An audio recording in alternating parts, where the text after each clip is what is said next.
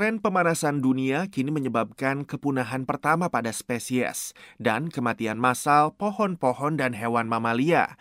Menurut ahli ekologi Camille Parmesan, salah seorang penulis laporan terbaru IPCC kita mengalami peningkatan risiko dampak yang tidak terhindari, seperti punahnya spesies, kata Parmesan, profesor ilmu geologi di Universitas Texas di Austin kepada para wartawan, sehari sebelum laporan dikeluarkan.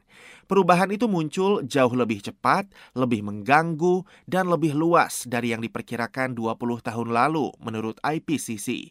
IPCC juga mencatat jutaan orang terkena kerawanan pangan dan air di pulau-pulau kecil dan di kutub utara.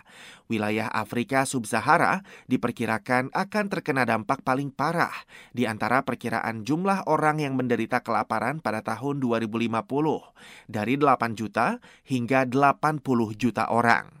Wakil Ketua Pokja II, panel antar pemerintah untuk perubahan iklim, ilmuwan khusus kawasan perkotaan dan iklim Debra Roberts mengatakan,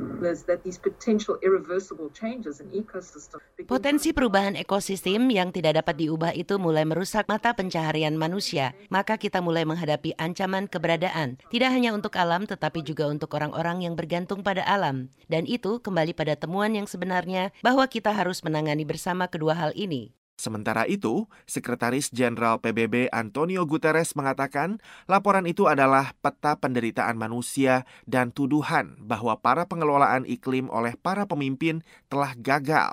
With fact upon fact, this report reveals how people on the planet Fakta demi fakta, laporan ini mengungkapkan bagaimana manusia dan planet ini dirusak oleh perubahan iklim. Hampir setengah dari umat manusia sekarang hidup di zona bahaya. Kini banyak ekosistem berada di titik yang tidak bisa diperbaiki lagi. Polusi karbon yang tidak terkendali memaksa orang-orang yang paling rentan di dunia kini menuju kehancuran. Fakta ini tidak dapat disangkal. Sekjen PBB itu juga memperingatkan, ketergantungan kita yang berkelanjutan pada bahan bakar fosil membuat ekonomi dunia dan keamanan energi rentan terhadap goncangan dan krisis geopolitik. Menurut panel, di bawah skenario tingkat pemanasan yang lebih tinggi, hingga 183 juta tambahan orang diperkirakan akan kekurangan gizi di negara-negara berpenghasilan rendah karena perubahan iklim pada tahun 2050. Untuk Puspita Sariwati, Serifan Dwi Astono, VOA.